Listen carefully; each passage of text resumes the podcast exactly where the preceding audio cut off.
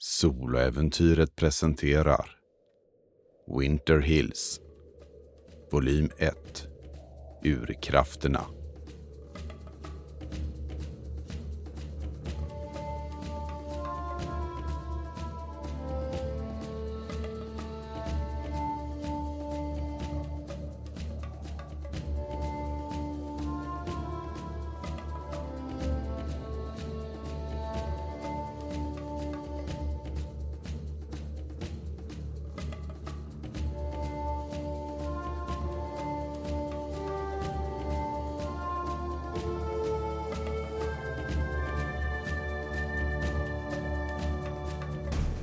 Säsong 1 Avsnitt 27 Nothing and Nowhere Tredje delen Efraim vaknar ifrån sin djupa slummer. Elden har falnat och nu så finns det endast en glöd kvar där. Han kan se hur lägret är tomt. Bäddarna från där hans färdkamrater har legat är tomma. Han verkar ensam kvar i lägret. Det verkar vara tidig, tidig morgon. Diset ligger tätt omkring honom. Och det syns endast en vag, vag strimma av ljusgrått sken som lyser upp trakten. Herr Saroyan? Dr Scott? Din röst ekar ut över trakten. Ett vagt vågskvalp kan höras. Men du får inga svar. Jag reser mig upp och tittar mig omkring. Finns det några spår eller liknande som, som är tydliga? Du kan slå ett ego plus överlevnad och det är ett lätt slag. Åtta. Du börjar spana över området där och först så känns det verkligen inte som om det finns några spår var alla kan ha tagit vägen. Men just när du är på väg att ge upp kan du se fotspår som leder inåt i skogen på den plats där du stod igår. Den där platsen där du kände något uråldrigt och främmande iaktta dig. Hur mörkt var det sa du? Det är grådisigt. Det finns sikt här ute, men det är troligtvis betydligt mörkare inne i skogen. Jag tar en lykta och letar efter någon form av tillhygge. Vad eh, vill du hitta som tillhygge? Vad kan man tänka sig? Kan, eventuellt en yxa eller machete eller något sånt där? Du kan säkert hitta en yxa, Mm. för ni har ju huggit upp eh, ved och sådant. Ja. Jag plockar upp den här yxan och letar efter en ljuskälla, gärna en lykta. Och du finner det i lägret. Och eh, börjar gå bort emot spåren då antar jag. Ja, precis. Och du kommer bort till platsen där du stod igår och du kan se någonting nu som du inte såg där igår. En stig som leder djupare in i skogen. Hmm. Ja, jag eh, följer den. Då vet jag åtminstone hur jag ska ta mig tillbaka. Du ser hur den leder djupare in i skogen och du kan se även att det är många fotspår som har vandrat längs den här. Stigen verkar öppna upp sig som det kommer ut i någon glänta och du kan, du kan se där längre fram att det verkar finnas någon typ av byggnad av något slag. Men jag trodde vi var först här. Jag eh, börjar närma mig den här byggnaden. Och när du kommer närmare så är det en kall kår som går ned längs ryggraden.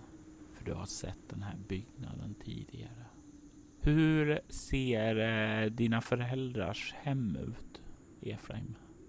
Ja, det är ett riktigt svulstigt hus. Det är nästan som ett eh, gods som ligger mitt i New York. Huset har vitkalkade väggar och fönstren som med åren blivit allt fler i och med att eh, det arkitektuella modet har förändrats släpper in mycket ljus. Jag vill att du slår ett chockartat skräckslag med ego. För dina föräldrars hus borde ju inte vara här. Nej, stämmer bra det. Sju. Du får två skräcknivåer när du bevittnar dina föräldrars stuga på denna plats. Hur ser eh, huset ut? Är det nedgånget eller ser det ut som så, precis så som jag minns det rent och så vidare? Ja, förutom nedsotningen då. Det ser ut precis som du minns det med nedsotning och allt. Det är bara själva byggnaden, inte trädgård och sådant omkring det, utan bara själva byggnaden.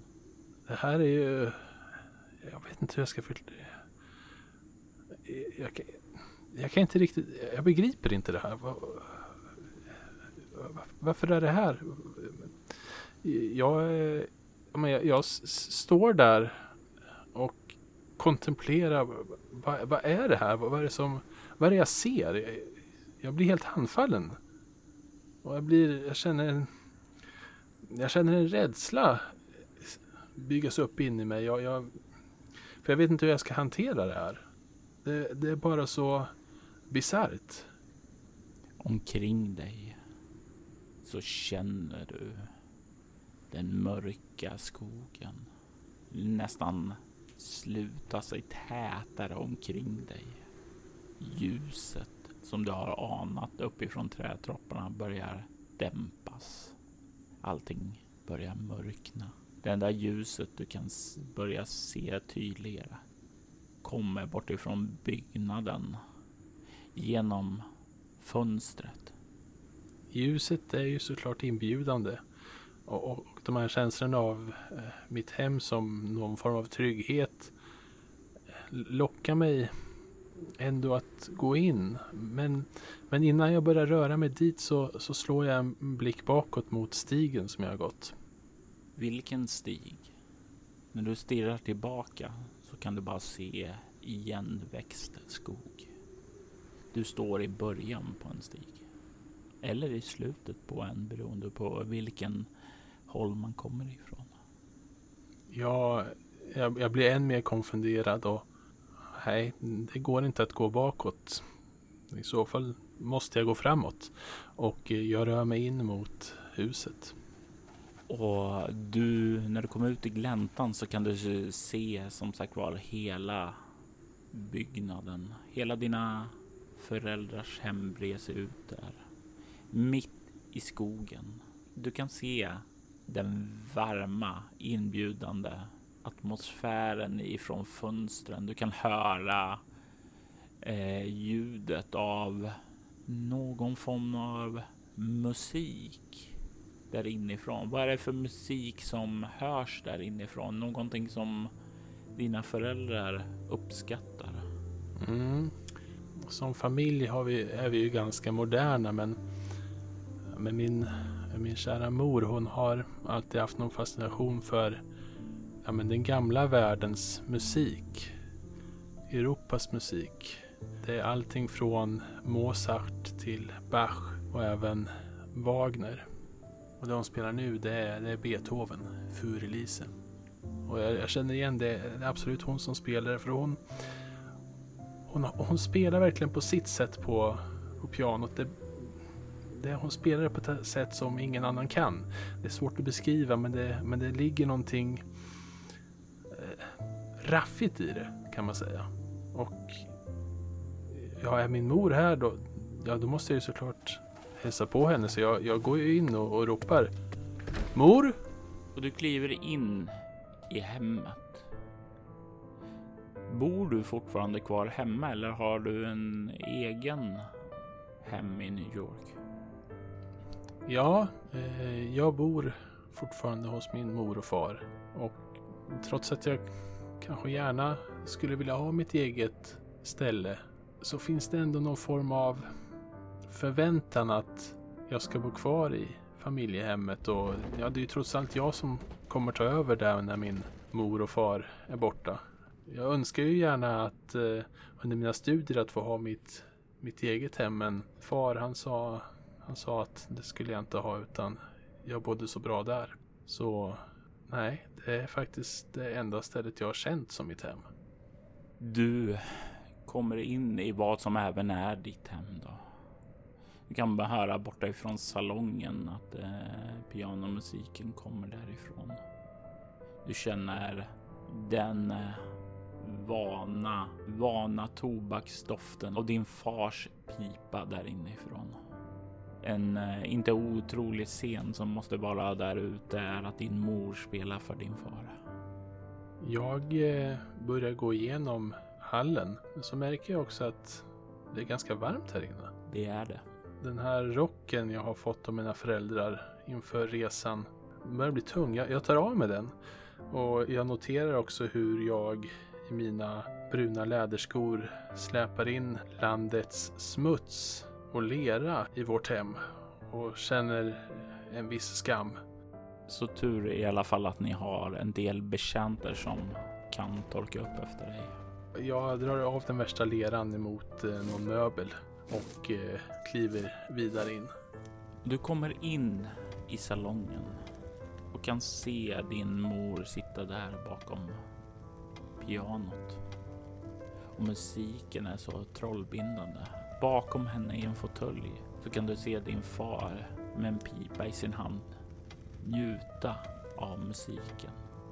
Mor, far, Din mor fortsätter att spela medan din far Viktor vänder sin blick emot dig.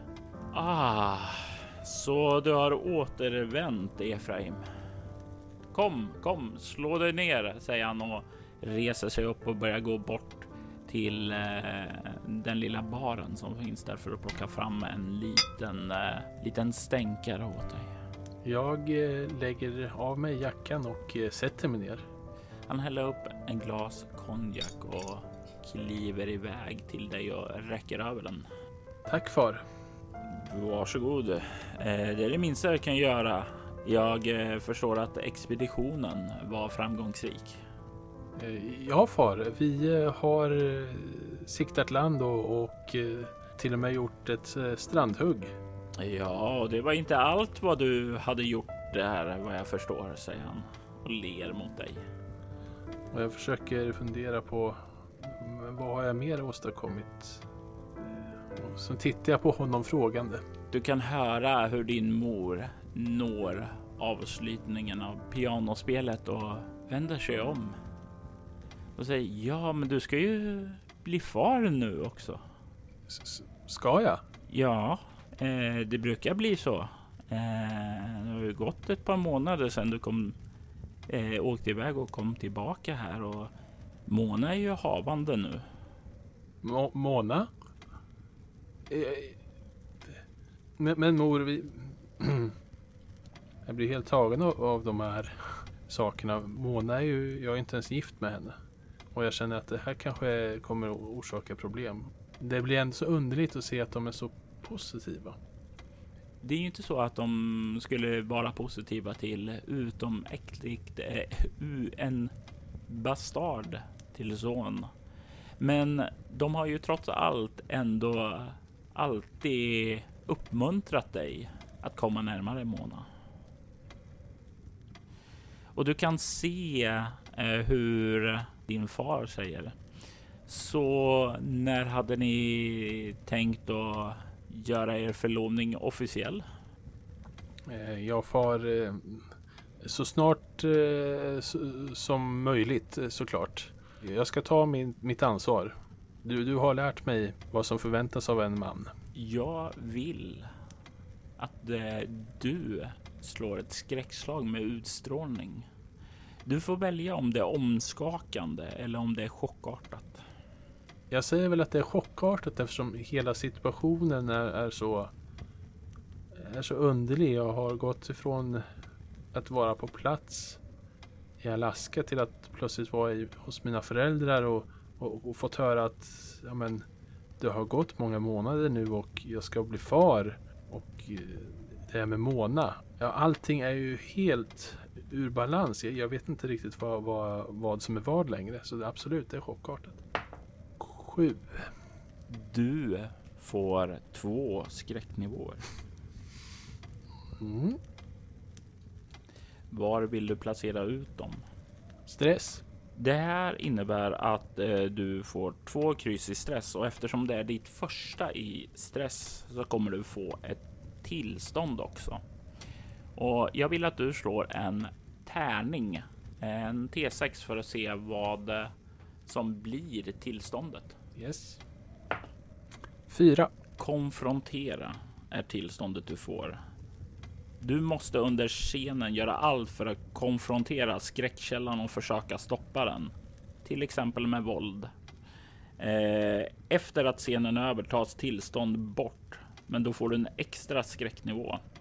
Du kan undvika att konfrontera skräckkällan om du tar och spenderar en bestående förlust i utstrålning. Och det är ju allt det här som du sa att du känner allt det här konstiga. Det känns som om det kulminerar nu upp i ditt möte med dina föräldrar. Så antingen konfrontera dem eller ta en bestående förlust i utstrålning och bara svälja det. Ja, jag kan inte sätta mig upp mot mina föräldrar. Det, det finns inte på kartan utan nej, jag sväljer det här. Du tar en bestående förlust i utstrålningen då du gör som du ska göra. Sväljer det.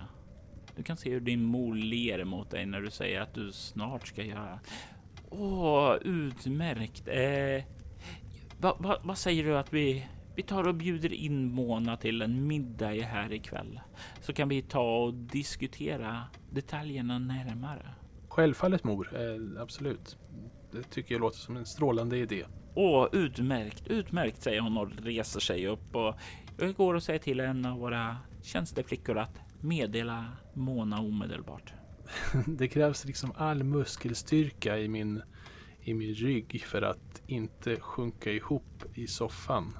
Den här pressen jag känner just nu, den är oerhörd. Och du ser hur din mor, till skillnad från du, fjäderlätt och glatt rör sig ur rummet. Det är som om hon svävar på molnen. Din far slår sig ned bredvid dig. Så hur gick det där uppe? Vad hände egentligen med Mr Price? E egentligen? Eh... Det enda jag fått höra är från herr Saroyan att eh, han försvann där uppe. Ja, det, det är sant far. Mr Price eh, blev väldigt konfrontativ. Sedan eh, gav han sig av eh, med en, en av jägarna. Därefter har inte jag sett honom. Mm. Och eh, ärligt talat far, den här Mr Price eh, bistod ändå inte med så mycket.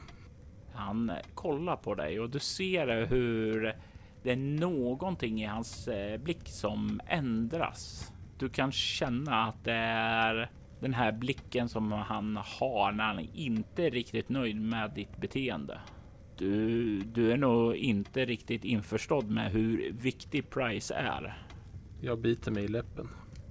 Price är viktigare än, ja, en eh, herr Saroyan, en eh, herr Tooms. Ja, jag skulle säga till och med viktigare än eh, dig och mig. Det, jag hoppas att du förstår hur illa hans försvinnande egentligen är.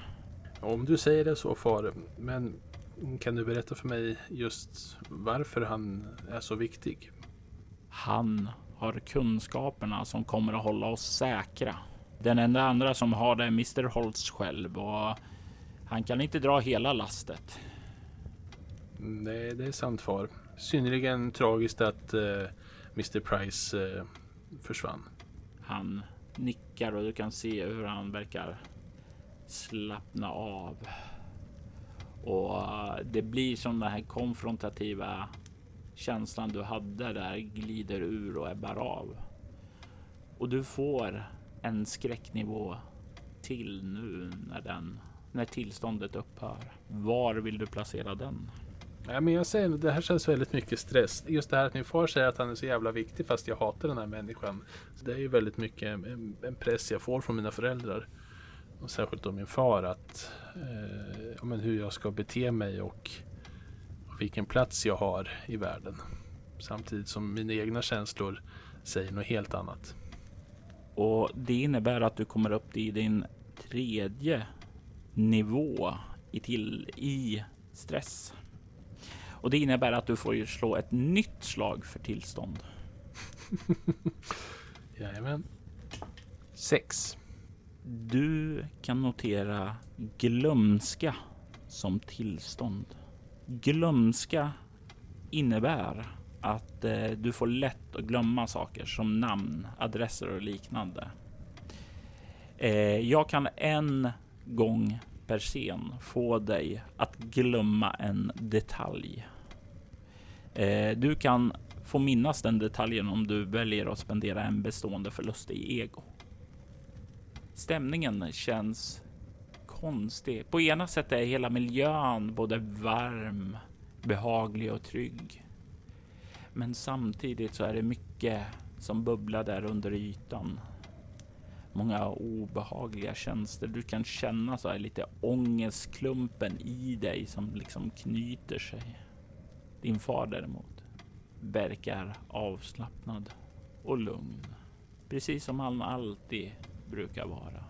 Ni sitter där och talar en eh, stund tillsammans och till slut så ursäktar han sig för att kliva iväg till herrarnas och det blir ensam kvar i rummet. Jag känner hur eh, mina muskler som jag har spänt under hela den här tiden för att hålla mig rakryggad så som förväntas. Att de här musklerna bara ger vika och jag sjunker ner i min egen misär. Du tycker dig höra barngråt från övervåningen.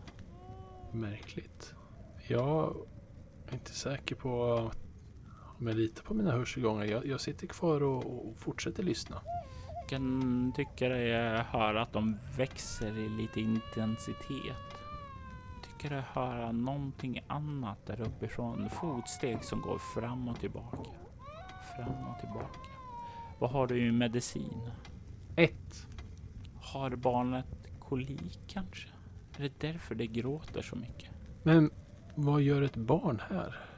Vems barn är det? Jag visste inte om att vi hade besök. Jag går upp för trappen.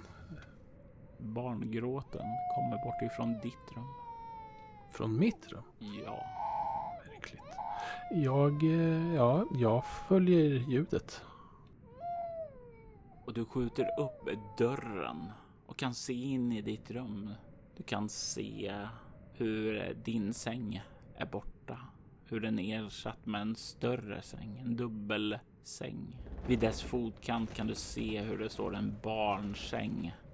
Och vid den så kan du se hur Mona går fram och tillbaka. Och när du öppnar dörren så kollar hon upp mot dig och du kan se hennes lättade ögon. Men även väldigt, väldigt trötta ögon som hon har varit vaken väldigt, väldigt länge. Åh, tack och lov du är här. Nu får du ta honom en stund. Och sen så ser du hur han, hon kliver fram till dig och håller fram barnet. Ja, men jag, jag kan ju inte det. Du, får- du får ropa på amman. Vad, vad, är det här för barn? Det, det är din son. Du får ta honom en stund. Jag har varit vaken hela natten.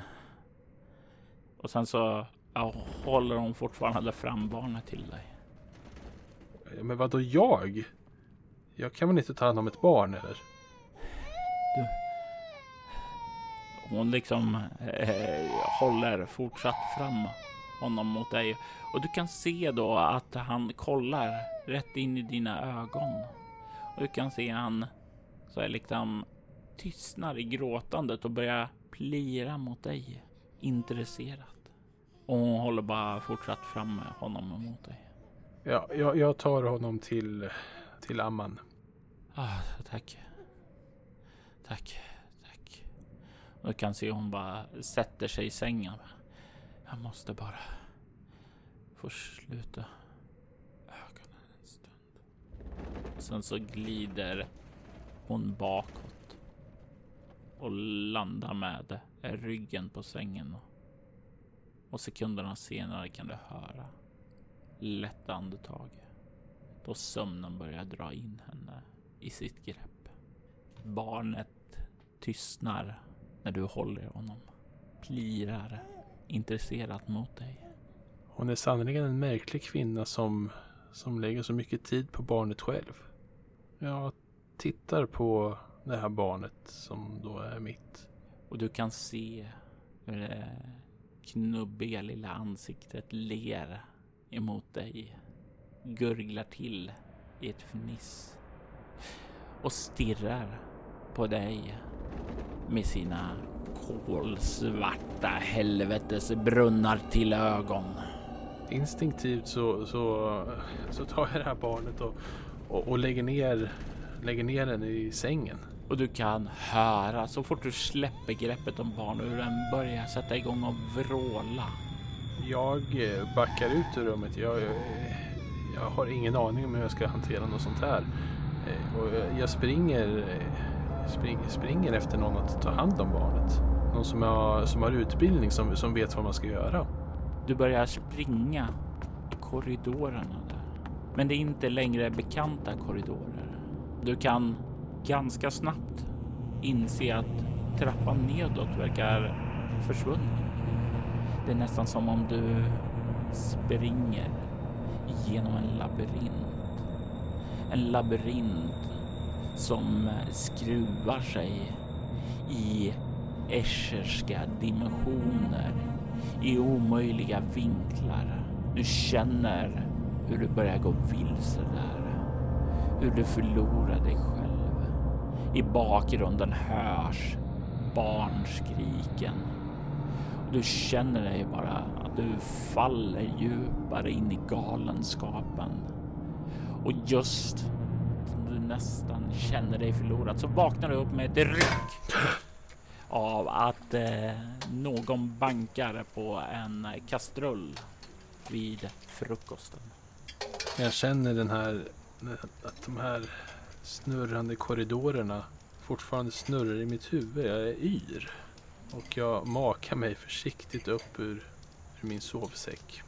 Du kommer ur sovsäcken och kan se miljön omkring dig. Du kan se att de andra, förutom Dr. Scott, eh, har eh, vaknat, stigit upp och är borta vid elden. Eh, Dr. Scott ligger fortfarande nere i sin sovsäck och verkar inte ha vaknat av eh, kastrullslaget. Har eh, Herr Price kommit tillbaka? Nej. Och inte de andra två jägarna heller. Jag går och ansluter mig till de andra. Saröjan har stått och talat lite med eh, jägaren där som är kvar med er och sen så kollar han upp när du kommer och säger God morgon. Ja, god morgon, eh, Sarayan. Eh, Sovit dåligt? Eh, såg att du skruvade rätt mycket på det. ja, nej då. Eh, bara lite ovan eh, att sova ute så här. Inget att tala om. Själv då? Ja, jag stod och pratade med min vän här och varken han eller jag har sovit särskilt gott.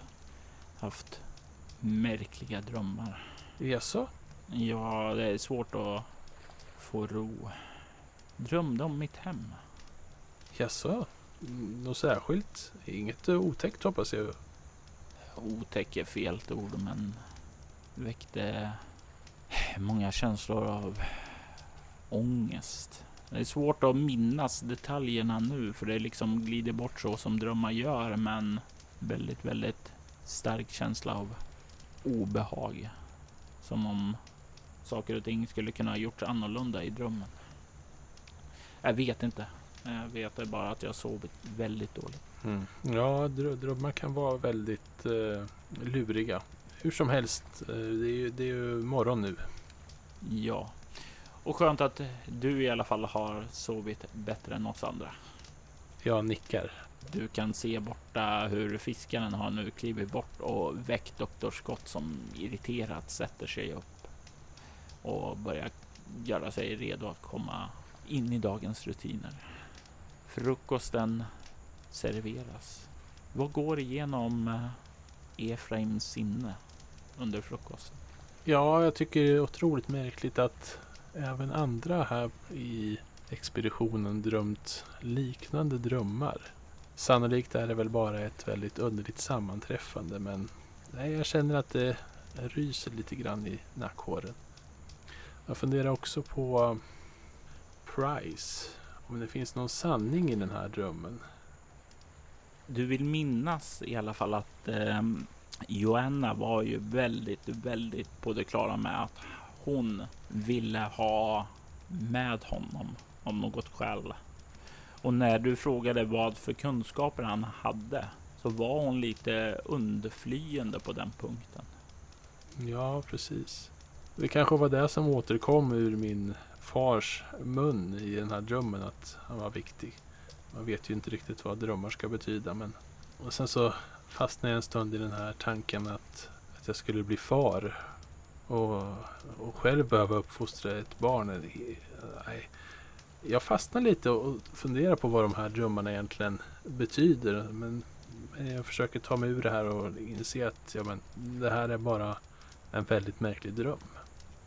Och under morgonen medan du sitter och tänker där och så sitter de i andra och pratar där och ett samtalsämne som kommer upp är ju vad som har hänt med eh, Mr Price och de andra två jägarna. För de har inte rapporterat tillbaka och du kan höra att den sista jägaren vill bege sig söderut för att leta efter dem och du kan se hur Saroyan skakar på huvudet och säger Vi har skickat en jägare efter det och vi har en jägare med där. Jag vill inte skicka fler folk dit ännu i alla fall. De borde kunna ta sig tillbaka hit. Eh, vi lämnade lite spår borta vid landstigningsplatsen så det ska inte vara något problem att ta sig hit. Eh, jag föreslår att vi istället börjar undersöka trakten här. Och sen kollar han mot eh, dig. Om du inte har några invändningar förstås, eh, herr Martin. Eh, du talar klokt, herr Sorayan. Vore dumdristigt att skicka iväg fler som eventuellt går vilse. Om den här herr Price är så klok så som vi har hört att han är så, så finner han nog sin väg tillbaka själv. Utmärkt. Eh, då har vi beslutat det. Eh, då tycker jag vi tar och utforskar trakten efter frukost. Vad säger du här Martin? Du kanske vill eh, göra mig sällskap? Ja, självfallet. Det låter som en strålande, ett strålande förslag. Och jag nickar mot honom glatt. Och han ler och säger ja, men då tar du och jag en scouttur efter frukosten. Snart blir ju frukosten slut och kan ju se hur Saroyan börjar göra sig redo för att bege sig iväg. Eh, gör du några egna förberedelser? Ja, nej, men jag har ju memoriserat lite grann från de här överlevnadsböckerna.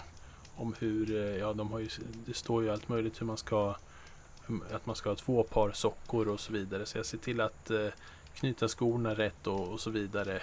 Och se till att allt är på det rätta sättet så som jag har förstått det. Jag ser dessutom till att eh, hitta en klok vandringspinne.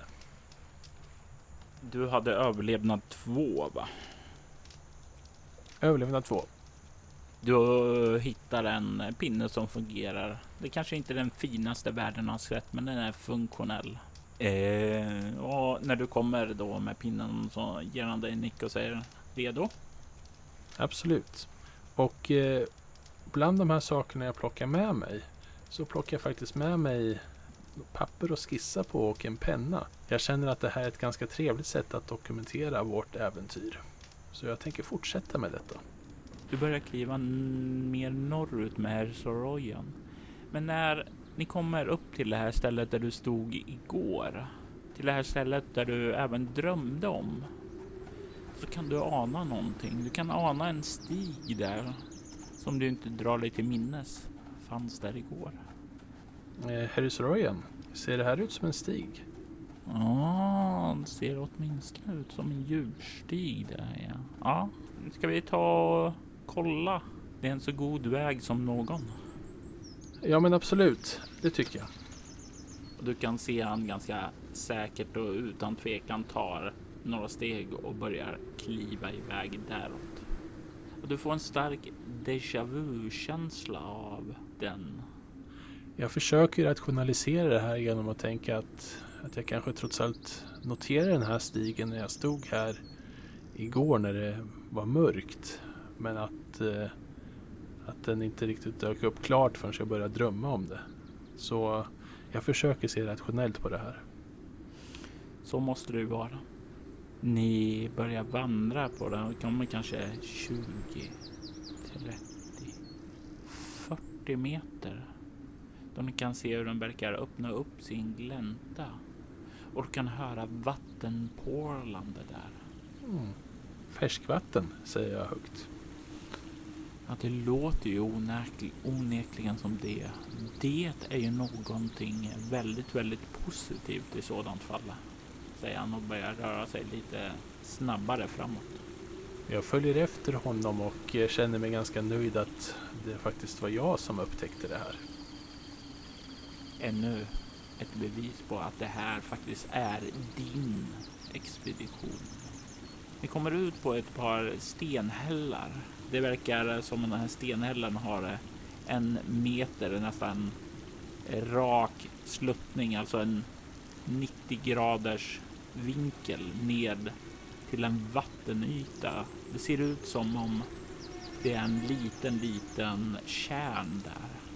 Och mitt i kärnan där så kan du se hur ja, det är nästan som en fontän som, eh, av vatten som sprutar upp där och trillar ned. Du har inte sett något liknande naturligt tidigare. Men det ser ut som om det är en fontän här. Och du har ju sett sådana i New York, alltså sådana här parkerna där de har ståtliga byggda eh, statyer där det vattnet kommer sprutande. Men här kommer det direkt upp ur vattnet. Vad, vad, vad säger du om det där? Säger jag och pekar. Mm, väldigt märkligt. Jag har inte sett något liknande själv heller tidigare. Du kan se han rör sig fram till kanten, kollar liksom ned och sen börjar röra sig vid sidan för att ta sig ner från stenhällarna till själva vattenytan. Jag ska, jag ska kolla så att det är sötvatten. Gör så. Jag, jag sätter mig här och, och, och tar igen med ett slag säger jag och eh, tar upp eh, papper och börjar teckna av den här fontänliknande grejen. Och du sätter dig där och börjar göra det medan han tar sig ner och du kan se han ställer sig på huk vid vattenkällan. För han sträcker i fingret och doppar det i vattnet och sen för upp det till munnen. Känner med tungan. Det är sötvatten. Det här är ju alldeles utmärkt. Jag kanske hade fel. Det här kanske är ett bra ställe att slå sig ned trots allt. Säger han och reser sig upp. Fantastiska nyheter säger jag. Mm, jag, jag tror faktiskt att eh, jag skulle vilja göra som så att vi tar oss tillbaka till skeppet. Berätta att vi har funnit en sötvattenkälla här och sedan börja ta ombord lite folk. Jag tror det här kommer bli en bra plats att slå sig ner på. Det är klokt det du säger där eh, Sir Ryan. Jag tänker bara eh, vad ska vi göra med eh, Herr Price? Eh, om de kommer tillbaka och vi har gett oss av. Eh, måste vi lämna någon form av proviant åt dem? Eh, jag, jag, jag, tänker ju som så att vi blir bara borta några, några timmar eller någon dag där så att eh, vi lämnar. Eh, vi kan lämna i princip att vi lämnar de andra och sen så åker du och jag tillbaka och kommer tillbaka med ännu fler mannar sen. Det låter mycket klokt. Jag eh, ritar mina sista streck på den här avbildningen av fontänen och reser mig upp. Jag vill återigen att du slår ett utstrålning konstnärlighet. Jajamän. Tre. Det här blev ingen bra avbildning, tyvärr. Nej, men det var kanske egentligen inte så konstigt. Det är inte så länge du fick tid att sitta med den, så det är väl lite grann av ett stressat hantverk du hinner med. Ja, jag har i alla fall det att skylla på. frågor. är du redo att röra dig tillbaka? Ja, låt oss se oss av. Och du reser dig upp och du hinner få en, en hastig skymt ner mot kärnan. Att eh, först tänker du att det är ditt ansikte som avtecknas där på den spegelblanka ytan. Men så inser du att så inte är fallet. Det är din sons ansikte som syns där på andra sidan. Som stirrar upp ur kärnen med sina kolsvarta helvetesbrunnar till ögon. Som stirrar tillbaka från dig från djupet av kärnen. Slå ett omskakande skräckslag med ego skulle jag vilja säga, för det här känns inte naturligt. Det hade jag fått tillbaka. Ja, men nio då? Och det är ju nog för att inte ta någon skräcknivå, även om det fortfarande kan kännas väldigt obehagligt. Jag eh, vänder snabbt bort ansiktet och försöker skaka, skaka mig av den här konstiga synen. Om, och du vet inte om ljudet hörs bortifrån kärnan eller om det är ett eko ifrån drömmarna, men du tycker dig höra barngråt. Jag eh, försöker att ignorera den här, den här gråten och, och eh, snabba upp mina steg lite och går raskt eh, tillbaka till lägret. Och ni kommer tillbaka till lägret och Lukas är ju några steg före dig och han kliver iväg bort mot fiskaren för att informera om planen då. Du kan inte se jägaren för tillfället, men du kan se längre bort hur eh, doktor eh, Scott sitter och läser en bok vid elden. Jag går fram och hälsar. Eh, god morgon, doktorn. Han kollar upp. Eh, ja, god... Ja, jag vet inte om jag kan säga god morgon, men, eh, men morgon. Det, det är det i alla fall. Har doktorn sovit dåligt? Ja, jag har sovit eh, fruktansvärt dåligt. Men bara man väntar när det inte finns en eh, sann komfort av en eh, riktig säng här. Men jag förstår att du sover som en eh, stock här. Du som gillar äventyr. Ja, inte, inte skulle jag vilja påstå att det är som att sova i en riktig säng, men det har gått bra ändå. Jag vill ju gärna prata med den goda doktorn, men, men det är svårt att hitta någon, någonting gemensamt att tala om. Han verkar inte så, så förtjust i att vara där vi är. Och ja, jag tror inte han heller skulle uppskatta några långa utläggningar om den fantastiska fontänen eller de goda prognoserna vi har inför framtiden här. Du kan se när du, du liksom tystnar och inte riktigt vet vad du ska säga att han vrider tillbaka blicken ned i boken. Det är ju jobbigt när man känner sig dragen till en person och vill umgås med den. Men inte hittar det här som kan överbrygga den här känslan av främlingskap då. Bakom dig så kan du höra Saroyans fotsteg komma gående. Jag vänder mig om mot Herr Sarayan. Och han säger, eh, jag har berättat eh, för vår vän att eh, du och jag tar oss tillbaka. Ja, strålande. Han nickar och sen så börjar han kliva bort emot båten. Kommer du? Jag eh, knallar på och går mot båten jag med. Och du kan plötsligt då höra eh, hur doktorn börjar komma till fötter. Vänta, vänta, vänta! Eh, och sen börjar han springa i fatt dig. Eh, be, be, behöver ni hjälp? Ja, men självfallet do, doktor Scott. Vi kan såklart behöva din expertis på båten tillbaka. Eh, utmärkt, utmärkt. Eh, ge, mig, ge mig några minuter så kommer jag, säger han. Sen kan du se han börjar rusa tillbaka till eh, sin eh, ja, sin sovplats för att börja plocka ihop lite saker. Jag tittar efter Dr. Scott när han ger sig iväg och jag funderar lite om det verkligen var så klokt att ta med honom i vildmarken och släppa omkring på honom så här. Jag funderar också kring min egen plats i den här expeditionen. Jag har ju faktiskt gjort mitt strandhugg nu och jag har ju dessutom hittat den här fantastiska platsen. Den här grundstenen i vårt nya samhälle. Jag funderar på om det inte är bättre att jag leder från båten ett tag framöver. Åtminstone fram till någonting som är värdigt mina talanger presenterar sig i land. Du kan se hur eh, Sarah har gjort sig redo för att båten eh, ska ut och när du kommer gående så ser du hur han börjar göra sig redo för att dra ut båten. Eh, Herr Saroyan. Ja. Den goda doktorn eh, har fått nog av äventyret. Och jag har funderat. Du gör ju så gott arbete här. Så jag känner att jag eventuellt kanske kommer i vägen för att du ska få utföra din expertis ordentligt. Så ju, även jag har beslutat att stanna på skeppet en tid framöver. Eh, Okej, okay. jag tycker ju inte du är vägen men eh, jag ifrågasätter inte din önskan.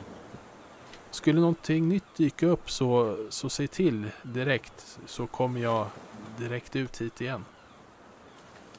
Absolut, herr Martin.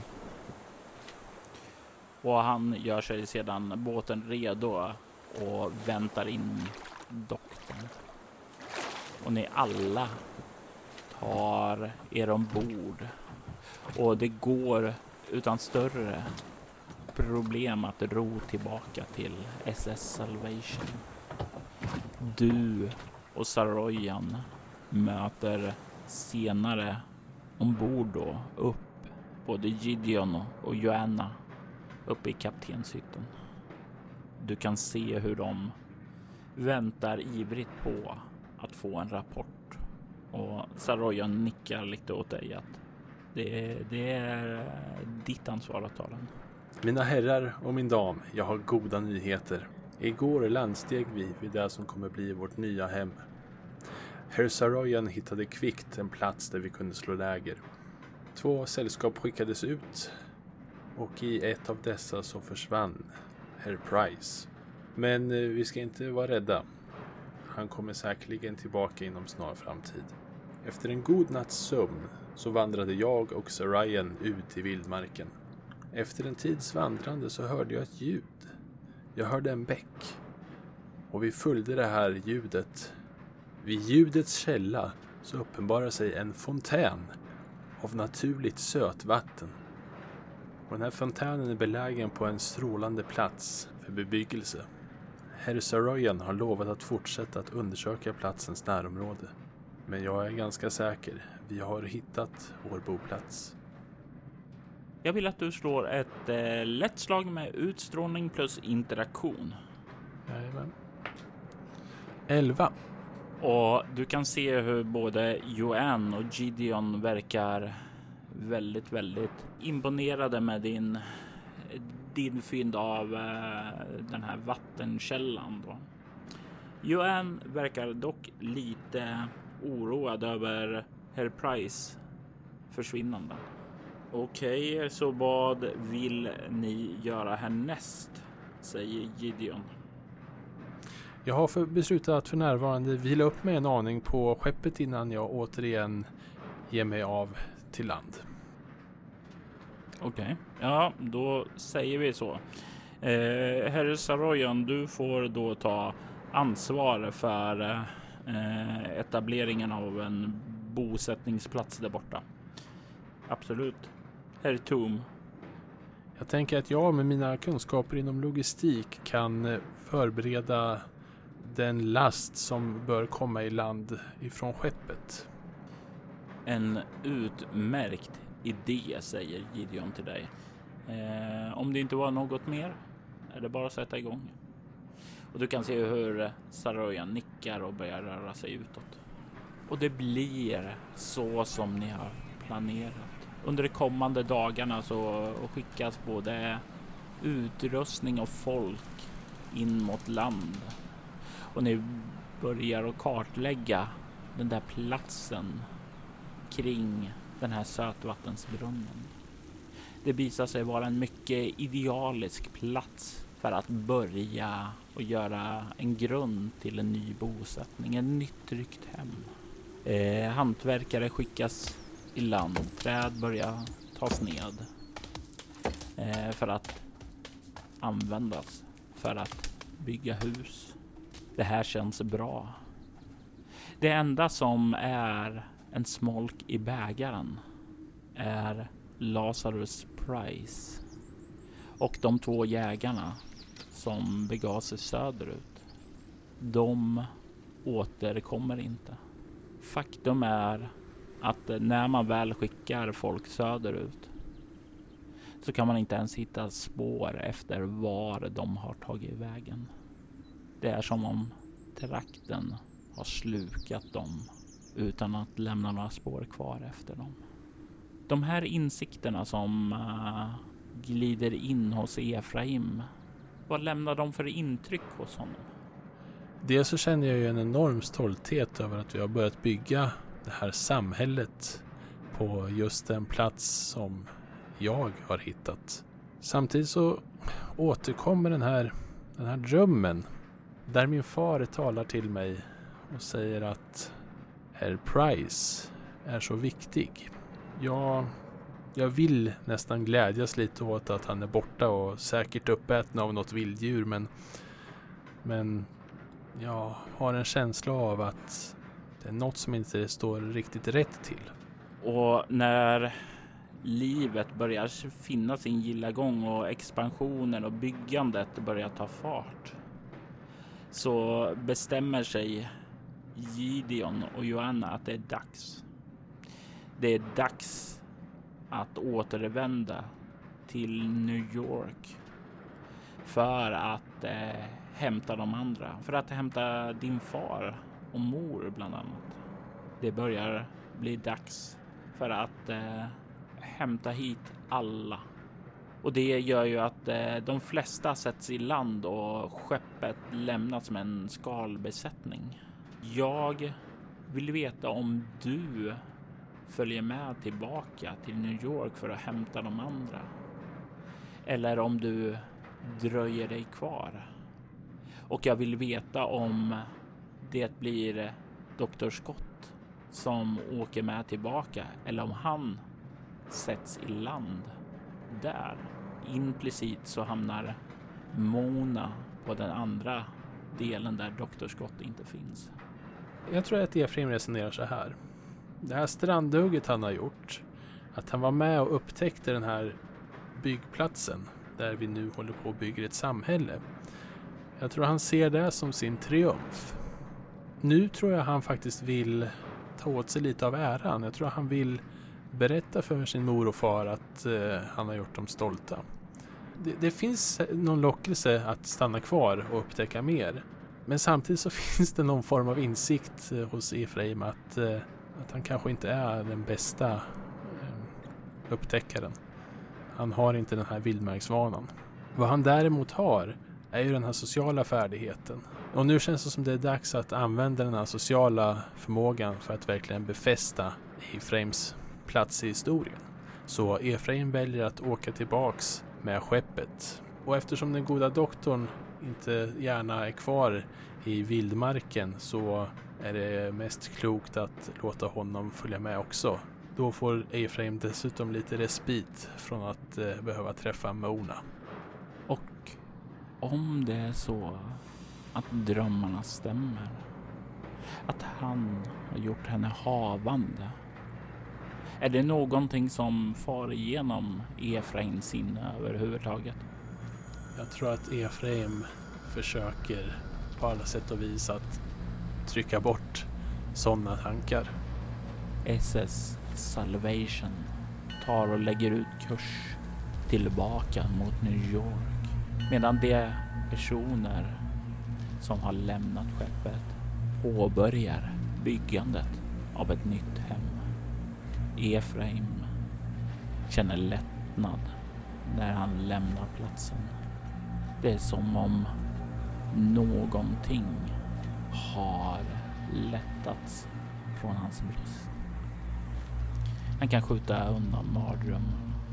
Kanske därför att mardrömmarna är kvar i Winter Hills. Fotoplåten han kastade ned i vattnet ligger på botten. Och där nere i mörka vattnet så sträcker sig en vit fjällig hand efter den och drar den djupt djupare ned i havet och blickar på de personer som har avtecknats på plåten. I detta avsnitt hör du Jon Ström Hellberg som Efraim Martin, Winter Hills en berättelse skapad och spelad av Robert Jonsson till rollspelet Bortom som ges ut av Milingspel. Avsnittet klipptes och ljudlades av Jon Ström Helleberg. Winter Hills temamusik skapades av Andreas Lundström från Sweden Rolls och Riddles in the Dark. Ni hittar hans musik på Spotify och Soundcloud. Alla ljudeffekter i detta avsnitt kommer från hemsidan Tabletop Audio. Soloäventyret en actual play podcast där vi spelar rollspelen Bortom och Leviathan.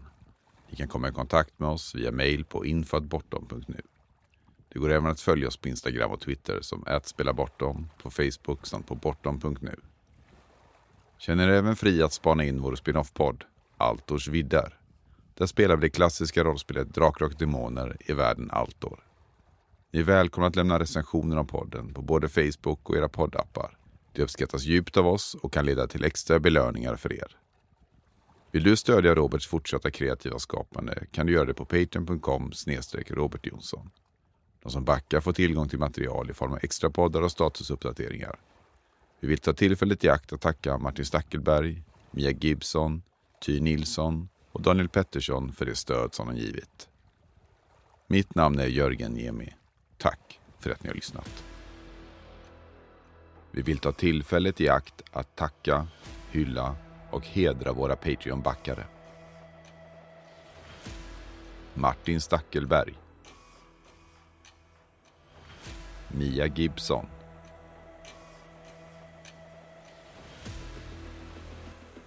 Ty Nilsson. Daniel Pettersson. Och Daniel Lantz.